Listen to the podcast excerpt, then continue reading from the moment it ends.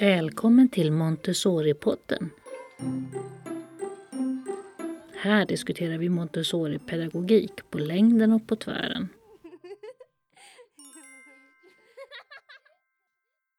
Hej! Nu är det dags för Montessori-podden igen.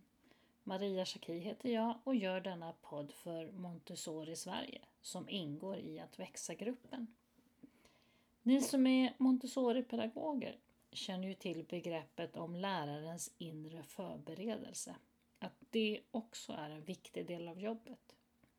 Idag ska vi prata om en annan viktig sak som behöver vara en del av förberedelsen. Nämligen ergonomi och friskvård. Jag har träffat fysioterapeuten Karin Sörenfors på Betahälsan i Lund för ett samtal kring ergonomi utifrån just Montessori-förskolans förutsättningar. Vi har ju en miljö med låga möbler, mycket sittande på golvet och om man vill ha ett långt arbetsliv utan besvär så är det ju viktigt att göra rätt redan från början. Jag hoppas att det här samtalet kan inspirera också er till att lyfta detta på era arbetsplatser samt att komma igång med egen friskvård. Diskutera gärna avsnittet på vår Facebook-sida som heter Montessori-podden. Där kan du också ge tips och idéer på ämnen eller intervjuer vi borde göra. Eller så är det kanske just dig vi ska intervjua. Du kan också höra av dig till Montessoripodden snabela gmail.com. God lyssning!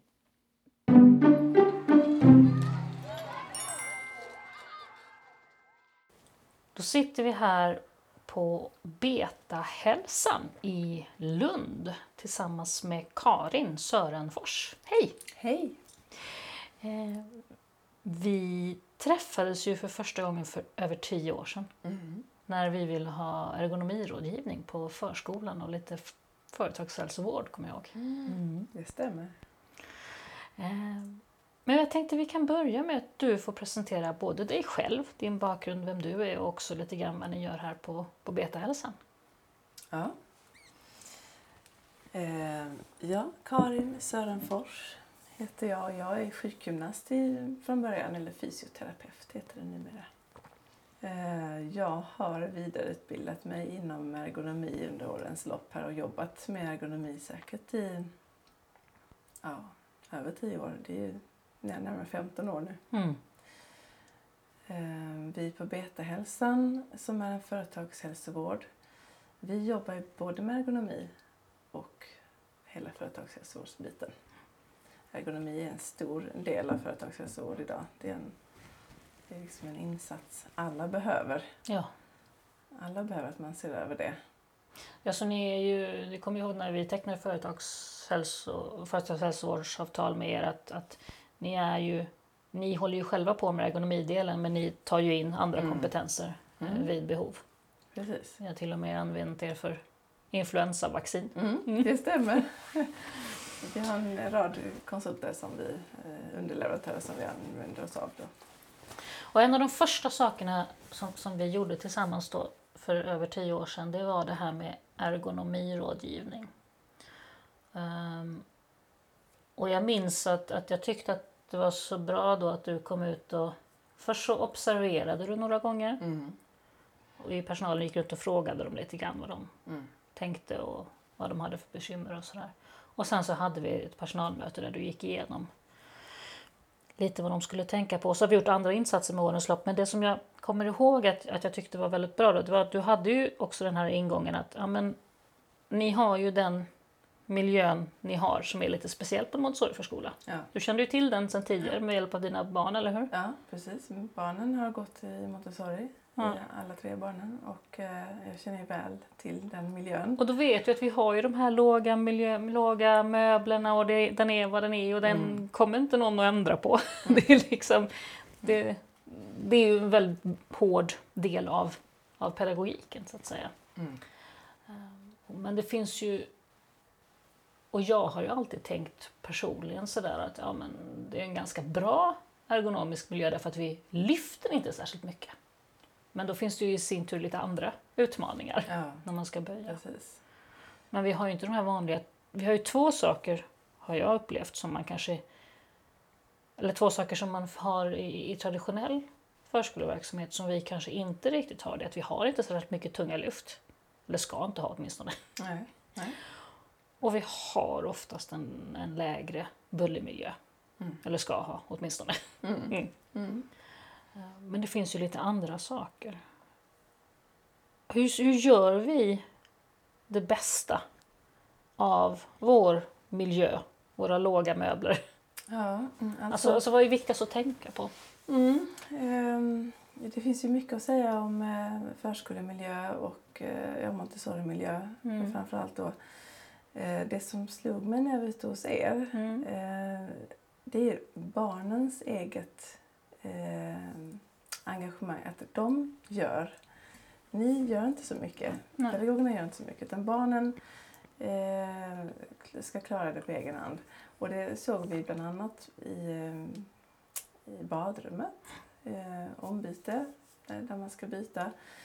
Barnen klättrade själv upp. Eh, jag vet inte om ni hade det då eller om det blev sen att man Ja, lite trappa och höj på Precis, sjöbordet. att de själv Mm. kunde ta sig upp under övervakning då på skötbordet. Eh, vilket är bra, då slipper man det lyftet Mm. till exempel. Men eh, det som är bra i Montessori-miljön är ju precis som du säger att eh, barnen är så självständiga. Eh, sen innebär det ju att man är mycket på golvet Mm. som pedagog. Och ehm, det kan ju på sikt sätta sig både i rygg och knän och nacke. Nu tappar jag nu spåret lite grann. varför frågan? Skulle komma till? Nej, hur, hur, hur, var vi, hur vi gör den bästa av, av, av den här miljön, eller vad ska man säga? Ehm, om, man vill, om man vill ha ett, ett långt och lyckligt liv i en Montessori-miljö, vad ska man verkligen tänka på då? Att Mm. göra och inte göra? Mm. Eh, lyften är en sak. Eh, man ska undvika lyft så långt det går. Mm. Eh, när man sitter på golvet så finns det olika hjälpmedel att Mm. använda sig av. Just det, vi köpte de här rullande stolarna, små rullpallarna. Precis. Ni fick eh, små pallar med extra låg kolv, minns Mm. jag att vi tog Mm. till era Mm. stolar. Det finns ju, pallar finns ju att tillgå men med extra låg kolv, jag tror den var bara 32 centimeter eller något sånt. Nu finns det ju i många av de här katalogerna där man köper saker till förskolan. Det har ju kommit mera nu märkte Mm. jag, lite olika och lite billigare varianter på sådana här lite lå- låga snurrstolar. Mm, absolut. De har ju kommit ganska mycket nu. Det har hänt mycket nu de senaste Ja, tio, tio åren. Då. Mm. ja verkligen. Ehm, Så att det är ju ett, ett hjälpmedel man kan ha och är väldigt bra. I och med att det är hjul på så kan man då ta sig runt på den också och Ja, slippa gå upp och ner. För, precis, för det är ju det annars man liksom sitter då bredvid ett barn och presenterar någonting och så reser man på sig och så ska man gå och sätta sig bredvid ett annat barn. Och Mm. med den här så kan man ju bara sparka sig runt lite Mm. grann. Mm. Finns då med låsbara hjul när man inte använder den så Mm. låser sig hjulen så att barnen inte kan Köra rally. köra runt, Mm. köra rally. Precis.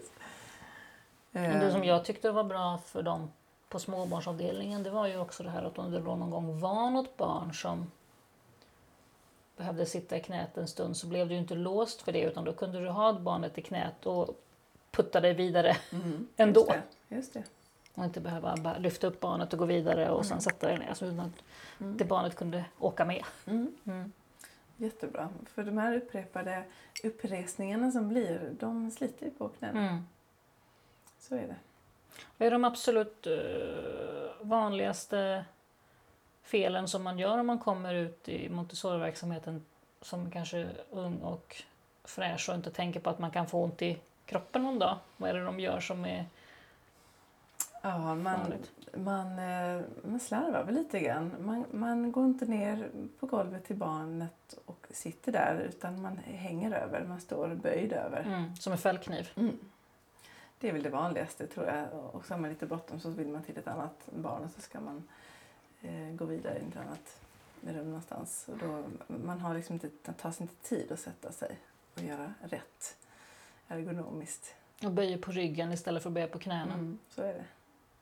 Det gäller ju, inte, det gäller ju flera Ja, sammanhang. det är ju vanligt. Är- Mm. Att man gör på det sättet.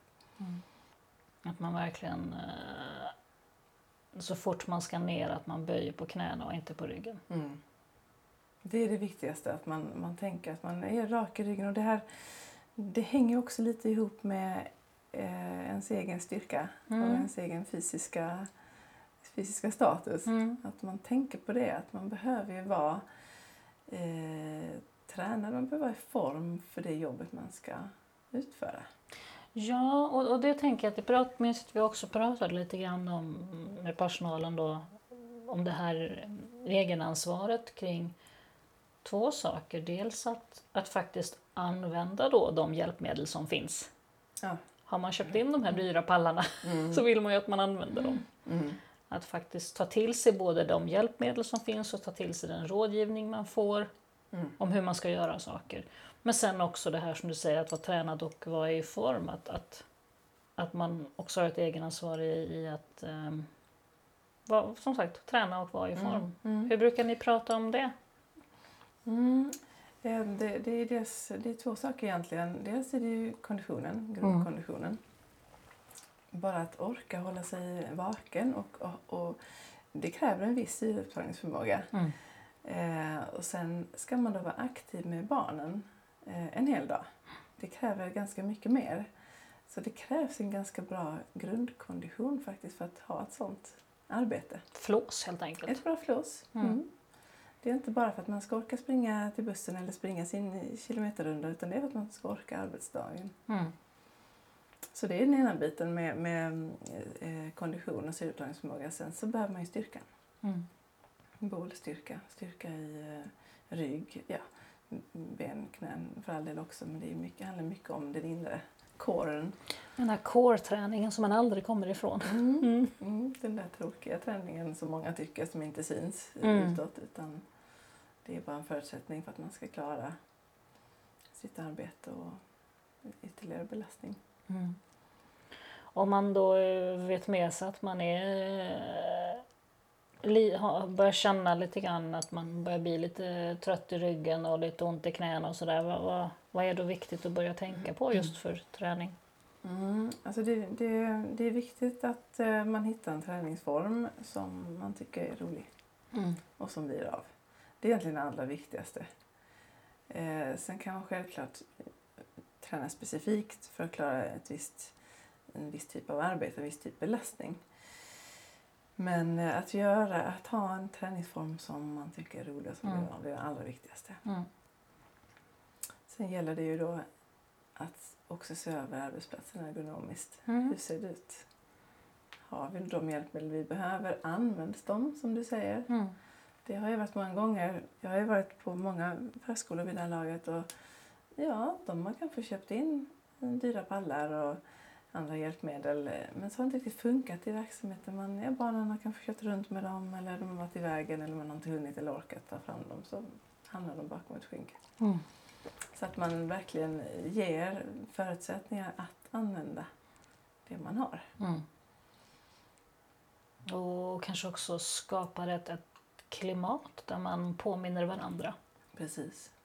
Det, det där är superviktigt att, man, att alla är med på det här, det här vill vi ha i vår verksamhet, det här ska vi använda och alla är det okej att man använder de här hjälpmedlen. Det kan få ta lite längre tid, Mm. vissa saker, men eh, eh, vet man vad som finns att tillgå och vad som ska användas så ska man också få lov att göra det Mm. utan att, eh, ja, utan att nå- någon annan tänker att det behöver man inte eller det Ja, och också ge varandra lite små, små påminnelser när man ser att men nu står du som en fällkniv. Mm. Mm. Ja, just det, det gör jag ja. Mm. Ehm, att, man, att man faktiskt har ett klimat där man tillåter sig att, vara lite, att, att värna om varandra. Ja. Och det är också en sak som är eh, viktig när det handlar om när man kommer till stress. Mm. Eh, det finns ju många situationer på förskolan där man upplever eh, mer stress än andra. Det kan vara matsituationen till exempel. Hallen, Hallen, Mm. påklädning, man ska Mm. ut. Mm. så här års. Ja, särskilt nu när det blir Mm. overaller och, och eh, stövlar och mössor och vantar. Och att man där har en plan för hur man ska göra. Mm. Det det kanske är så att man har, nu minns jag inte precis vad ni hade hos er, men det finns ju särskilda bänkar där barnen kan ta trappsteg upp och ställa sig på så att eh, personalen kan hjälpa till med skorna till Mm. exempel. Så att man har en station där, här gör vi den här påklädningen, här tar vi på stövlarna, så kan man gå vidare till nästa och där sitter nästa personal. Att man, man kan ha, man tillåts ha de resurserna som krävs i de mest stressade Och att man också har att man ser till att det faktiskt finns såna här pallar och annat i Mm, hallen. Precis. Tillräckligt många så att om det ska sitta en personal och hjälpa barnen i inre hallen då Mm. ska det finnas en pall där. Sitter det någon och hjälper barnen ute vid stövlarna så ska det finnas en pall där. Mm, Och den ska alltid finnas där. mm, Man ska inte behöva låta bli att sätta sig på den för att någon annan har tagit... Det fanns inte tillräckligt många så den har tagits in till samlingen just nu. mm. Och då, går det inte, då har man inte riktigt tid att gå och hämta den där. Ja. Så blir det oftast. Och då orkar man inte riktigt för att man, det måste ju göras nu. Mm. Mm. Mm, men så tillgången, eh, att eh, sakerna finns, det man behöver, det är såklart viktigt. Men så strukturen då, hur ska det gå till egentligen? Hur ska Mm. vi ha det i, i den här situationen?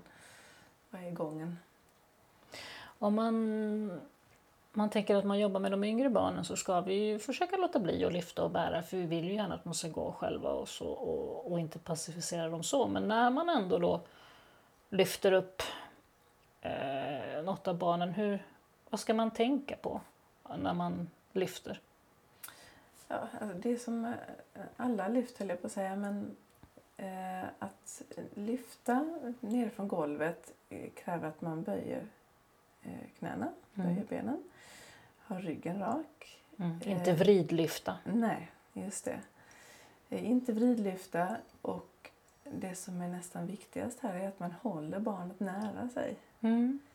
Därför att det blir, sträcker man sig och som du säger vrider då i många fall så har man en väldigt lång hävarm Mm. på ländryggen just. Det är ofta ländryggen som tar stryk.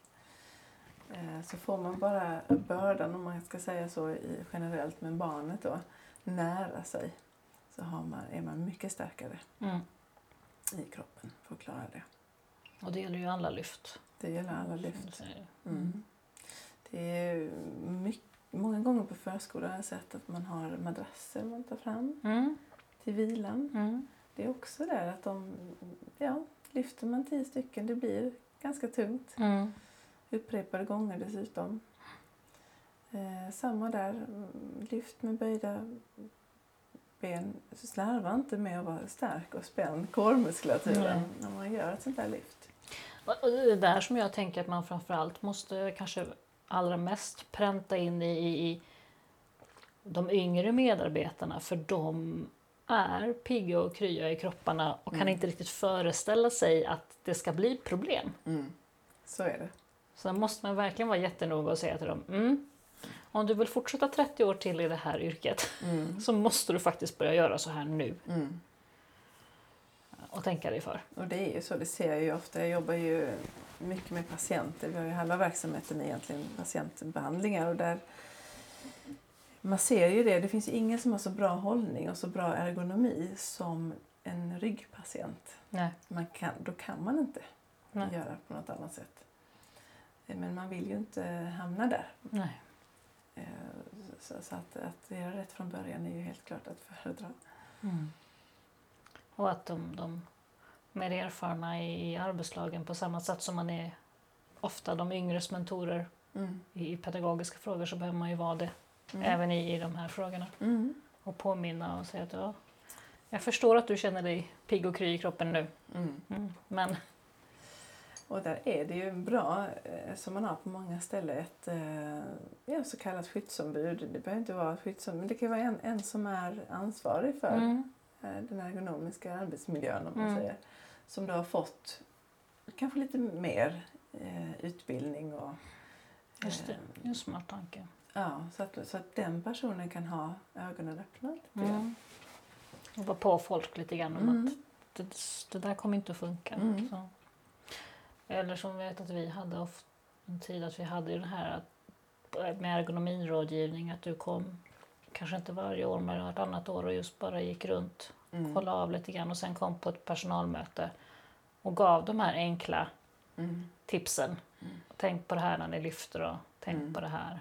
Ehm, Ungefär som att man gör hjärt-lungräddning Mm. eller brandövning. Fräschar upp de kunskaperna. Ja.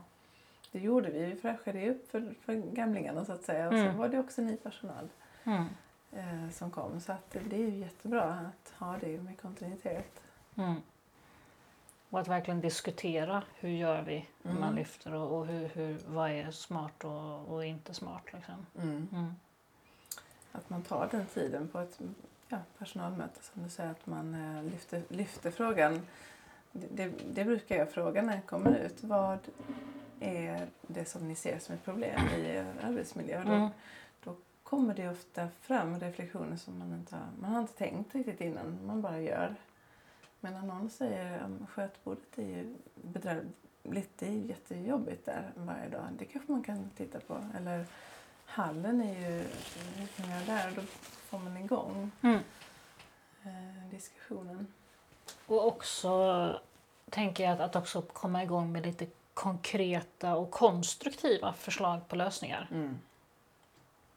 För att man kan bara komma in i det här gnälltugget om att ja, men man kan inte bli gammal i det här jobbet och oj, oj, oj, ryggen tar stryk och bla, bla, bla. Ja, men vad är problemet och hur kan vi göra för Mm. att undvika det? För några avsnitt sen så intervjuade jag Barbara som jobbar som Montessori-pedagog med de yngsta barnen. Mm. Jobbar med småbarn och alltid gjort det. Mm. Hon eh, närmar sig 75 nu. Eh, har fortsatt jobba tio år efter pensioneringen. Och, och, när jag frågade henne, men hur, vad är hemligheten? Hur gör man för att orka det? Och, och hur länge till tror du att din kropp orkar? Så sa hon, ja, jag bör, alltså när jag blev pensionär, när jag fyllde 65 där och ville fortsätta jobba, då började jag gå på yoga. Ja. Så hon går på ganska tuff yoga Mm. numera. Mm. Och fortsätter ju jobba Mm. med småbarnen. Mm. Och, och det är väl det här som du säger, det här med träningen, att konditionen för att orka vara en glad och pigg person. Mm. Och sen mm, styrketräning i övrigt för att kroppen ska hålla ihop. ska hålla. Precis. Mm. Och det där är ju väldigt individuellt vad man vill göra. Mm. Ehm, och det spelar inte så stor roll som sagt vad man, vad man gör. För en del passar yoga och för den andra, andra är det dans kanske. Eh, dans ger ju också inte bara kondition utan också mycket core-träning. Ja, ska hålla på Mm. rätt sätt. Mm. Jag får, ofta så tror jag när man...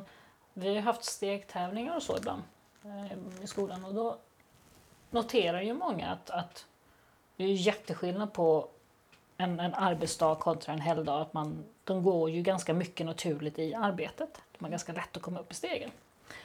Och ibland har jag känt att att då får de lite grann någon slags falsk trygghet. Ja, men jag går ju 10 000 steg på Mm. jobbet, jag behöver inte jobba med konditionen. Mm.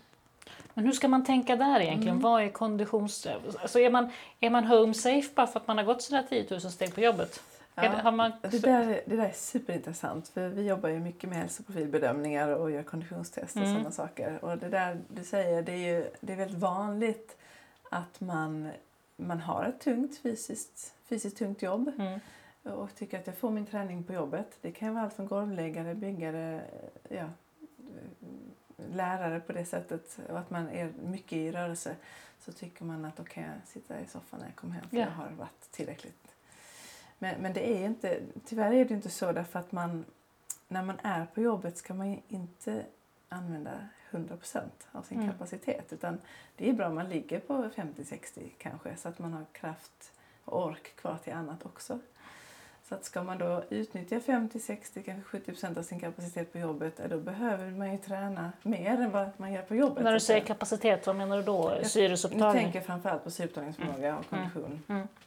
Ja, även styrka för Mm, delen, mm. absolut. Det är kanske lite svårare att mäta men eh, eh, ska man då eh, eh, inte gå i taket, max, maxa när man är på jobbet, då behöver du en buffert. Mm. Vilket innebär att du måste ju träna betydligt mer än vad jobbet kräver Mm. för att sen kunna komma dit och, och bara utnyttja en del av maxkapaciteten. Mm.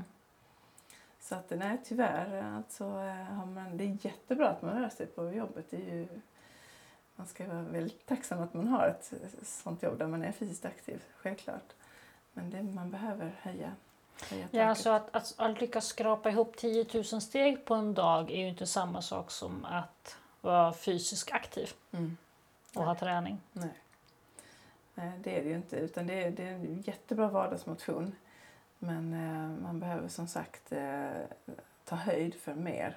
Hur ska man göra då om man liksom känner att det här med konditionsträning verkar ju skitjobbigt? Hur ska man komma igång? Eh, just på arbetsplatser så har vi ju sett många gånger i gruppen att man har eh, gruppträning eller Mm. grupptid eh, där man som grupp gör någonting tillsammans. Att man får med varandra. För det är så lätt att man eh, hoppar över Mm. ett träningspass. Det är, det är, ett träningspass är ju aldrig akut egentligen. Nej. Utan det kan man lätt stryka i kalendern till förmån för annat som är mer akut. Men är man då fler och, man har åtagit sig att vara med och vara sällskap med någon annan och så vidare. Det är en jättebra Träningsdate helt enkelt. träningsdejt som man inte vill eh, utebli ifrån Mm. eh, av sociala skäl. Det är jättebra. Och, ta med, och också ta med varandra istället för att, att någon drar igång det här istället för att sätta sig i lunchrummet med en Mm. kopp kaffe Mm. i, i, i fåtöljen och ta en bulle. Att man jagar ut varandra och tar en Ja. rask promenad. Att man gör det och också om man har möte till exempel. Mm. eh, utvecklingsmöte och vad det nu kan vara tänkas man ska prata om. Att man, man är ju också, man tänker ju bättre ofta när man Mm. är i rörelse när man går. Så att Mm. ta det här utvecklingssamtalet på en lunchpromenad då. Mm.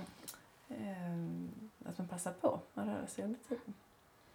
För det är ju, man, när man är trött efter en förmiddag i verksamheten så är det så lätt att sätta sig med en kopp kaffe i soffan Mm. och pusta en stund och tycka att man vilar och får ny kraft till eftermiddagen. Men man märker ju det, att, att jag har ju märkt i alla fall att de gånger som jag tar sig samman och går ut och går ett varv istället en halvtimme. Mm. Eh, man kan väl ta med sig kaffe till en termosmugg då. Men Mm. går ut och går ett varv, det är ju då man har kraft Ja. till eftermiddagen. Det är lätt att tro att man, eh, det hör jag ju många gånger att våra klienter säger också att man, man är så trött efter dagen att Mm. man orkar inte annat än att lägga sig i soffan. Nej, Eh, Och det blir man ännu tröttare av. ja. Eh, Så att, att, att få den upplevelsen, vara en promenad eller ett joggingpass eller vad det nu är, någon fysisk aktivitet, vad det kan göra för en. Och bara få uppleva det Mm. gör ju att många svänger. Mm. Det, det är faktiskt det man blir, man blir pigg av att, av att jobba Mm. fysiskt. Vi hade, jag minns när du hade varit hos oss vid något tillfälle så hade, så hade vi något litet eh, pausprogram. Just det, det Så när stämmer. man liksom känner att man, man har en sån där dag när helt plötsligt så har man eh, axlarna uppe vid öronen Mm. och spänner sig och så. Att, jag kommer ihåg vi satt upp vid kaffebryggan så man kunde göra det när man liksom stod och... Hur, hur, vad var det för... Det var några stretchövningar, eller hur? Ja, det programmet, jag tror jag minns precis vilket det var. Ehm, Det handlar ju framförallt om att eh, få igång blodcirkulationen. Om Mm. man, som du säger, drar upp axlarna mot öronen. Eh, Det är lätt hänt när man går och är spänd och stressad. Mm. Eh, Att man då gör övningar. Det kan till exempel vara att man höjer man drar upp axlarna faktiskt ännu mer Mm. till öronen och spänner och spänner, spänner allt vad man kan. Och sen slappnar man av. Det är en metod som egentligen kallas contract relax. Att man spänner så mycket man bara kan. Då är det lättare för musklerna att Mm. slappna av sen. Och sen tror jag var det någonting om att man la handen över huvudet och Mm. drog lite sidostretch på nacken, va? det var stretchövningar för nackmuskulaturen. Mm. Eh, Det finns ju ganska många varianter där. Eh, Men jag tror också i det här träningsprogrammet, eller pausprogrammet, fanns rörlighetsövningar om jag inte minns fel. Mm. Att man, eh, det är så mycket idag, inte minst i er miljö, som är framåt, neråt. Man böjer sig neråt, man har sin smartphone man tittar i, man har tangentbord och man har, som ni då, barnen, allting är på golvet. Mm. Man är som en välkniv. Det är sällan man gör tvärtom. Mm. Bakåtböjning. Bakåtböjning. Både för ryggen, ländrygg, bröstrygg, men också nacken då. Det är sällan man Ja. tittar upp i...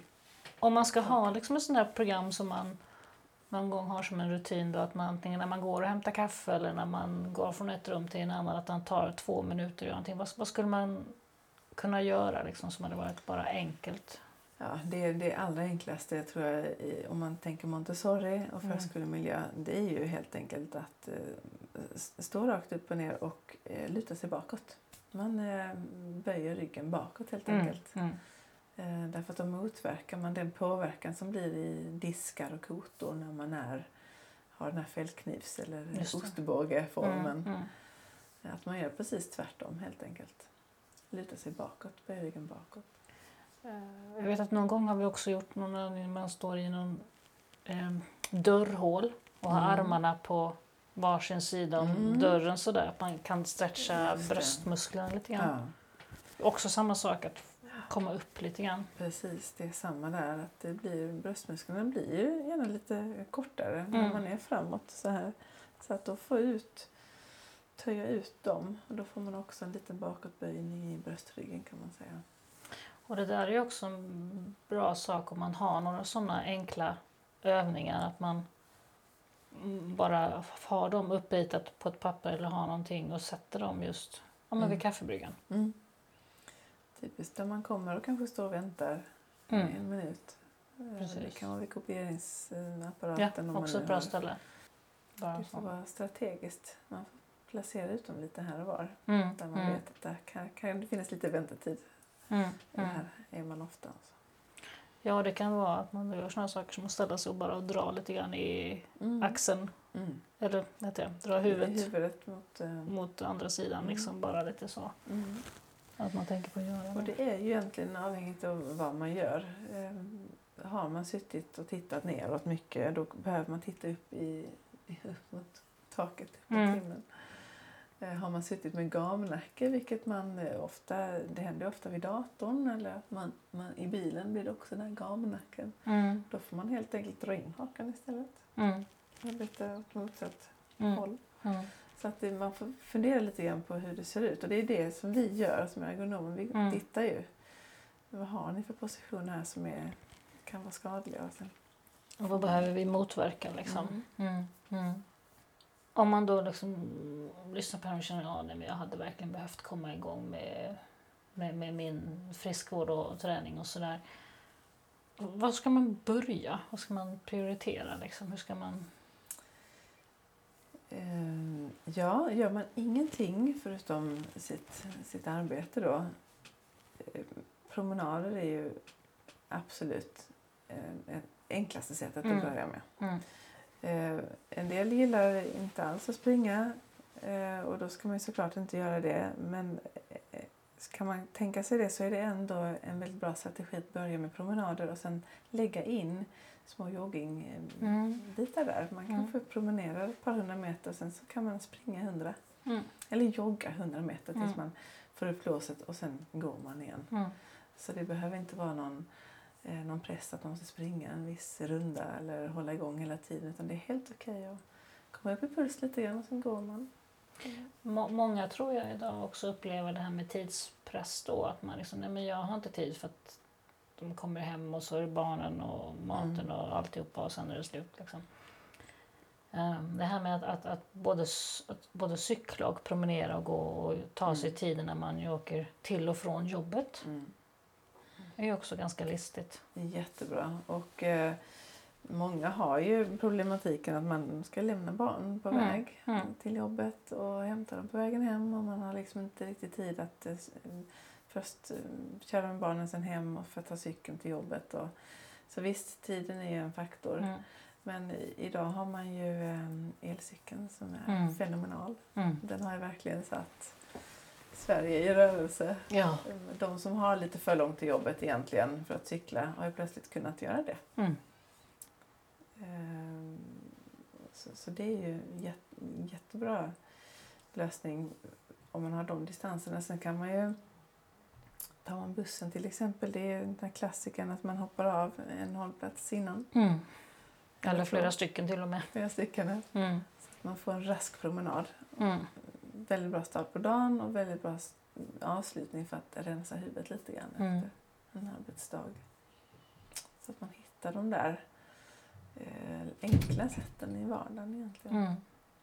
Och sen tänker jag att alla trivs kanske inte, jag vet att jag inte gör det, eh, på gym och så. Mm. Och då kan man ju kanske behöva gå till eh, antingen företagshälsovård, ergonomirådgivning eller, eller bara helt enkelt ha en dejt med en Mm. sjukgymnast och få någon slags... Det finns ju jättemycket man kan göra hemma. Mm. Mm. Jag tänker med band och vikter och grejer Absolut. som man kan göra hemma bara för att om man nu känner att nej, men jag har verkligen inte tid eller jag är ensam hemma och när barnen har lagt sig så kan jag inte åka hemifrån. Mm. Ja, men det, är ju, det är ju såklart en jättebra lösning att ha lite hemmagym som inte alls behöver vara ett gym i den bemärkelsen, Mm. men lite redskap. Mm. En matta och någon hantel och ett gummiband och sådär. Det, det kommer man långt med. Eller ett kvastskaft som jag fick lite Kvastskaft, övningar med här.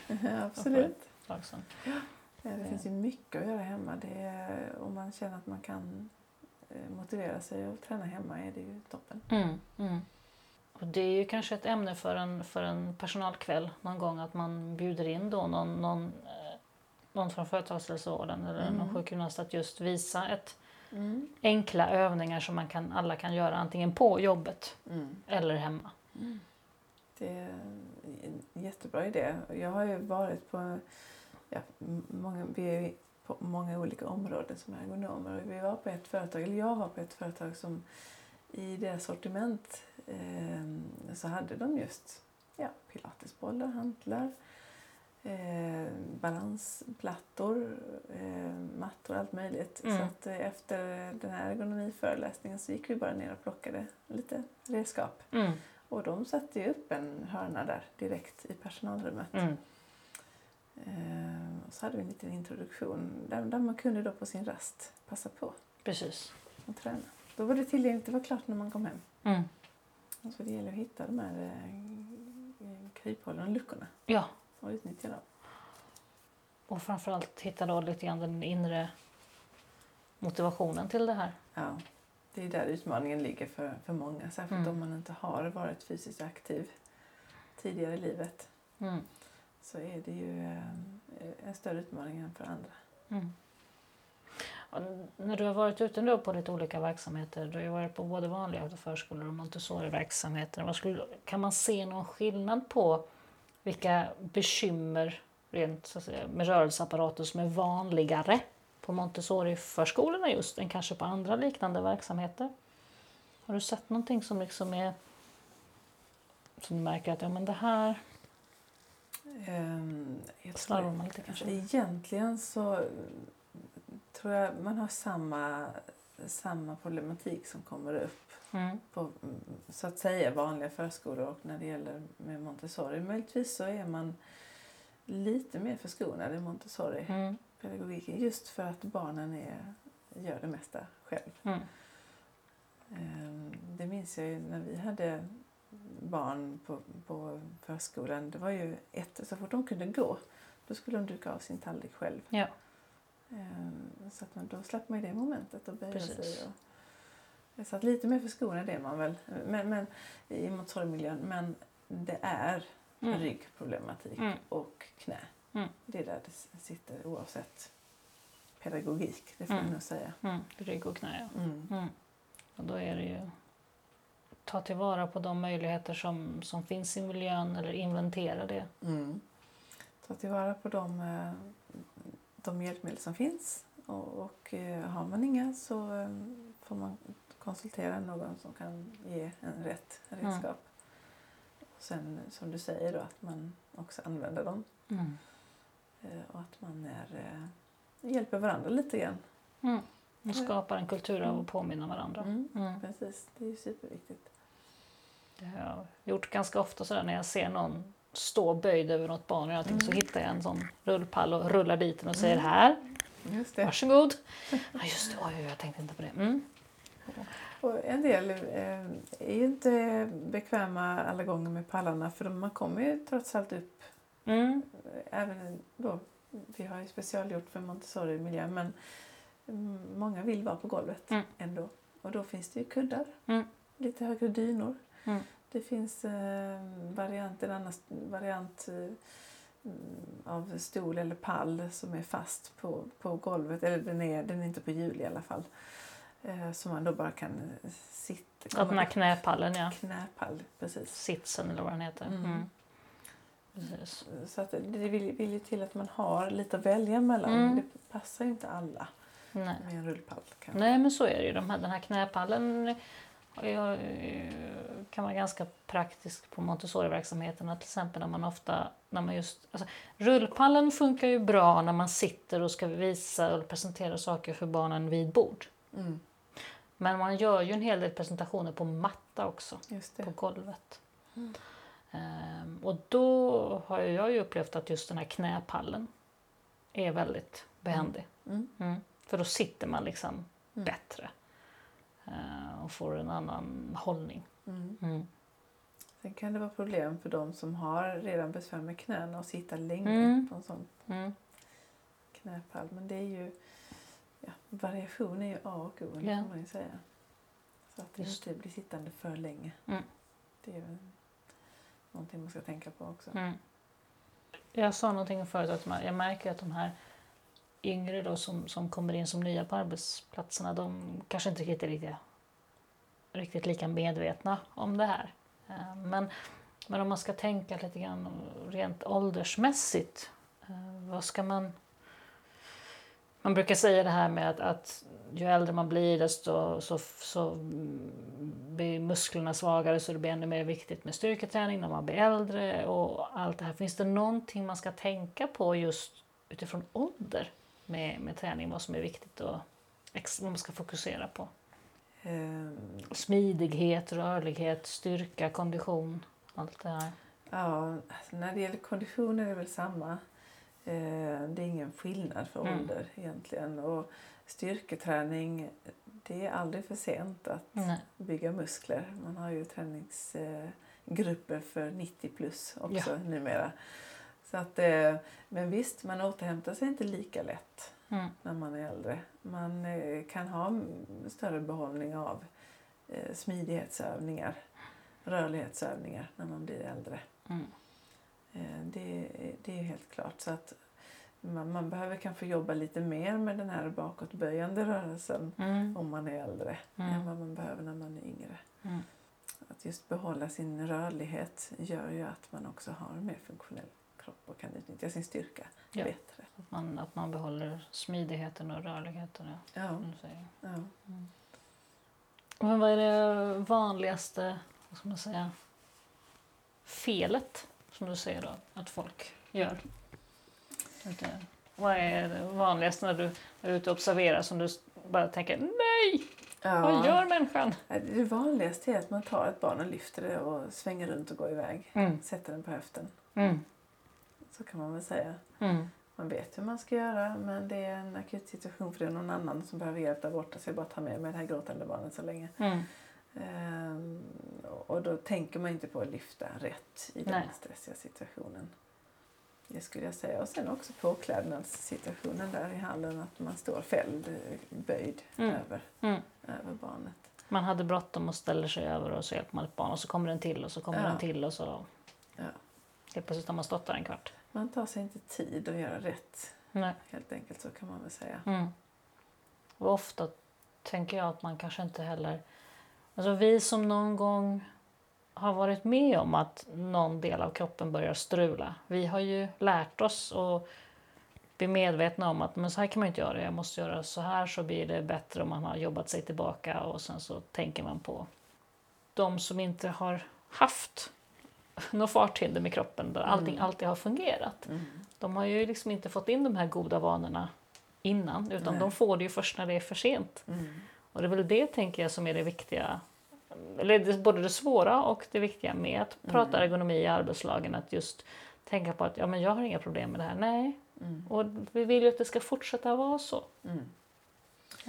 Jag tänker att det är oerhört viktigt med, med kunskap. Mm. Vad är det som händer i kroppen egentligen? Det, säger man åt någon att lyfta eller bära på ett visst sätt så det är mycket mer motiverande för den personen att göra rätt om man vet varför. Mm. Så att eh, det inleder jag alltid med i föreläsningen att beskriva hur ser det ut i kroppen.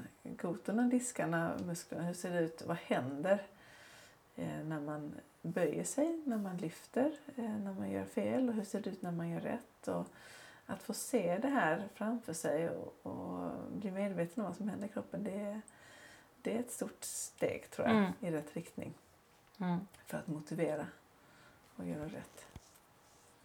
Göra det konkret liksom. Ja, därför att jag tror att så länge man inte själv upplever några besvär Mm.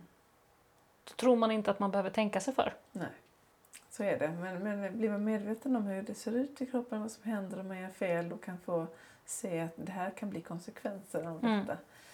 Eh, då är det ju oerhört mycket mer motiverande Mm. att göra rätt. Mm. Så att det, det, det rekommenderar jag naturligtvis alla att man har en slags genomgång eller föreläsning eller utbildning. Ungefär så som vi gör, att man åker ut och, och tittar på verksamheten och sen plockar in just den verksamheten i föreläsningen man håller sen. Mm. Så att personalen lätt kan relatera till Ja men det är, det är precis så, vi har det i hallen och, och så vet man vad man har för eh, hjälpmedel också Mm. eh, och kan instruera och visa det samtidigt. Precis. Och att om man tänker på hur man sitter och vad man har. Om alla tycker att stolarna i personalrummet faktiskt är kast då får man kanske hitta på någonting. Det, det, är också, det är också en viktig miljö, Mm. personalrummet, att Mm. det, det ska vara bra möbler där också. Och Dåliga konferensstolar finns det alldeles för många av. Mm. Mm. Det finns det och eh, vi är ju mycket ute i, på företaget som är just eh, data, eh, datorarbetsplatser. Och eh, ställer in stol, bord, skärm, tangentbord, allt möjligt som ska ställas in och gör den eh, tipptopp. Mm. Och eh, sen visar det sig att man sitter kanske där bara en halvtimme om dagen. Mm. Resten är möte i konferensrum. Mm. Ja, och då har man ju förlorat. Mm. Det, det, då spelar det ingen roll. Inte Mm. så stor roll i alla fall. Så det är superviktigt att man har eh, bra miljö i mötesrummen Mm. också. Kanske ha ett mötesrum där man står upp bara Mm. och så vidare. Precis. Ja, och då tänker jag också när man tar in någon som föreläser och går igenom och rådgiver så att man också kanske har, har som arbetsledare då har pratat lite grann med, med vederbörande och sagt att ja, det här, är- du kommer ju se den här miljön, att vi har de här låga miljöerna och så. Och det. Nej, vi kommer inte att kasta ut de våra låga stolar och Nej. ersätta dem med höga stolar. Nej. Men vad gör vi med det här? Ja. Det, det är så det är när man kommer till en, en verksamhet. så Man får jobba med det man Mm. har. Mm. Det, man kan inte göra allting ergonomiskt riktigt. Man kan Nej. inte ha bara eh, den, den, eh, de stolarna eller den höjden eller den, det som det ska vara om det skulle vara helt rätt. Utan man använder det som man har. Mm. Och sen får man ta till sig de här eh, ledorden då, variation Mm. eh, och, och tidsfaktorn. Hur länge gör man någonting? Mm. Hur ofta gör man någonting? Det är ju inte hela världen om man eh, står böjd över ett barn en eller två gånger eh, eller gör ett dumt lyft en eller två gånger. Men gör man det gång på gång, dag efter dag, eh, då sätter det sina spår. Då får det ofta konsekvenser. Då Så- sätter kroppen stopp. Ja, så Mm. variation eh, och tidsaspekten är ju superviktig. också. Mm. Och träna kroppen så att den Träna kroppen, står emot. träna kroppen så att man är, är, är rustad för Mm. Ja, för visst är det så. Det här med anledningen till att vi pratar om kåren och den styrketräningen, det är ju för att har man ordentligt och bra med muskler runt omkring ryggpelaren Mm. så kompenserar ju den för tokigheter man gör. Ja, då står, det, står man emot Mm. ganska långt. Mm. Ehm, Man har ju musklerna, de här kormusklerna, djupa rygg och bålmuskler, de är ju, fungerar som en muskelkorsett Mm. runt ryggraden eller kotpelaren. Då. Så att är man stark där så eh, klarar man ju av tunga lyft på ett helt annat sätt. Då blir kroppen, ryggen lite mer förlåtande. Ja, Mm. Variation. Och, så vad ska vi sammanfatta? Några enkla eh, ledord här i, mm. efter diskussionen. Träning, kondition för att orka vara en pigg och glad pedagog och en pigg och glad familjemedlem när man kommer ja hem. absolut. Styrketräning, Styrketräning. framförallt kåren. Ja, framförallt kåren. Det är egentligen det Och när vi säger core då, för de som inte känner till det, då pratar vi just mage, rygg. Ja, de djupa eh, Mm. Magmusklerna och ryggmusklerna. Ja. Mm. De där som känns när man har gjort situps. Mm. Så kan man säga. Mm. de känns men de syns inte. Nej. Och sen variation. Mm. Att inte vara för enformig i rörelserna och att använda det som finns. Mm. Påminna varandra och tänka sig för. Eh, Det är lätt att man eh, faller tillbaka i gamla Mm. mönster. När man har lärt sig och man vet hur man ska göra och är duktig och gör det ett tag. Men det är därför som vi gör också, jag menar, det är därför man har brandövningar en gång om året. Mm.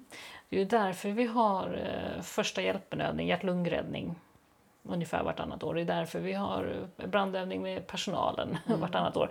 Det är därför man gör och det är därför man jag flyger ganska mycket flygplan nu. Det är därför man varenda gång, fast man har sett det 300 gånger, Mm. ska titta på när kabinpersonalen har säkerhetsgenomgång. Därför att man måste upprepa och man måste påminna sig själv. Mm. Precis. För att man glömmer bort. Ja. Och man slarvar och man faller tillbaka. ja. Mm. Och det är oftast är det ju inte förrän man får problem som man förstår att det här var viktigt. Så att då, därför så är det kanske inte en så dum idé att ha i sitt lilla årshjul att man har någon form av antingen föreläsning eller åtminstone diskussion Mm. kring ergonomi Mm. lite då och då Mm. i verksamheten. Att det finns med som en punkt, att folk är medvetna om Det det. är absolut någonting som är bra att göra eh, återkommande. Mm. Och så kan man väl kanske avsluta med den här lite klatschiga slogan som man ser ibland men som ju faktiskt är väldigt sann och det är ju att om man vi pratar om det här med tidsaspekten och så att man har inte tid för, för det här med träning och annat och det är ju att om man inte tycker att man har tid för friskvård så kommer man ju behöva ta tid till sjukvård istället. Mm. Så krasst är det ju. Ja, det är ett gammalt ordspråk från, eh, jag vet inte, 1600-talet Ja. tror jag. har hängt i, men det är Mm. så sant. Ja men det är det och där kommer vi tillbaka till det här egenansvaret att ja men som arbetsgivare så kan man ju stötta och hjälpa till med alltihopa det här. Mm. Men det är också du själv som har ett egenansvar att ta till dig det och, och använda det. Mm. Mm. Självklart, visst är det så. Man, som arbetsgivare så stöttar man naturligtvis och ser till att det finns bra förutsättningar Mm. och hjälpmedel. Sen är det upp till en själv att faktiskt använda det. Mm. Och det är ens egen hälsa och välmående som man ska måna om. Precis. Den kan man bara själv göra någonting åt. Ja. Mm. Så vi får avsluta med den sammanfattningen. Mm. Tack så jättemycket Karin. Tack själv.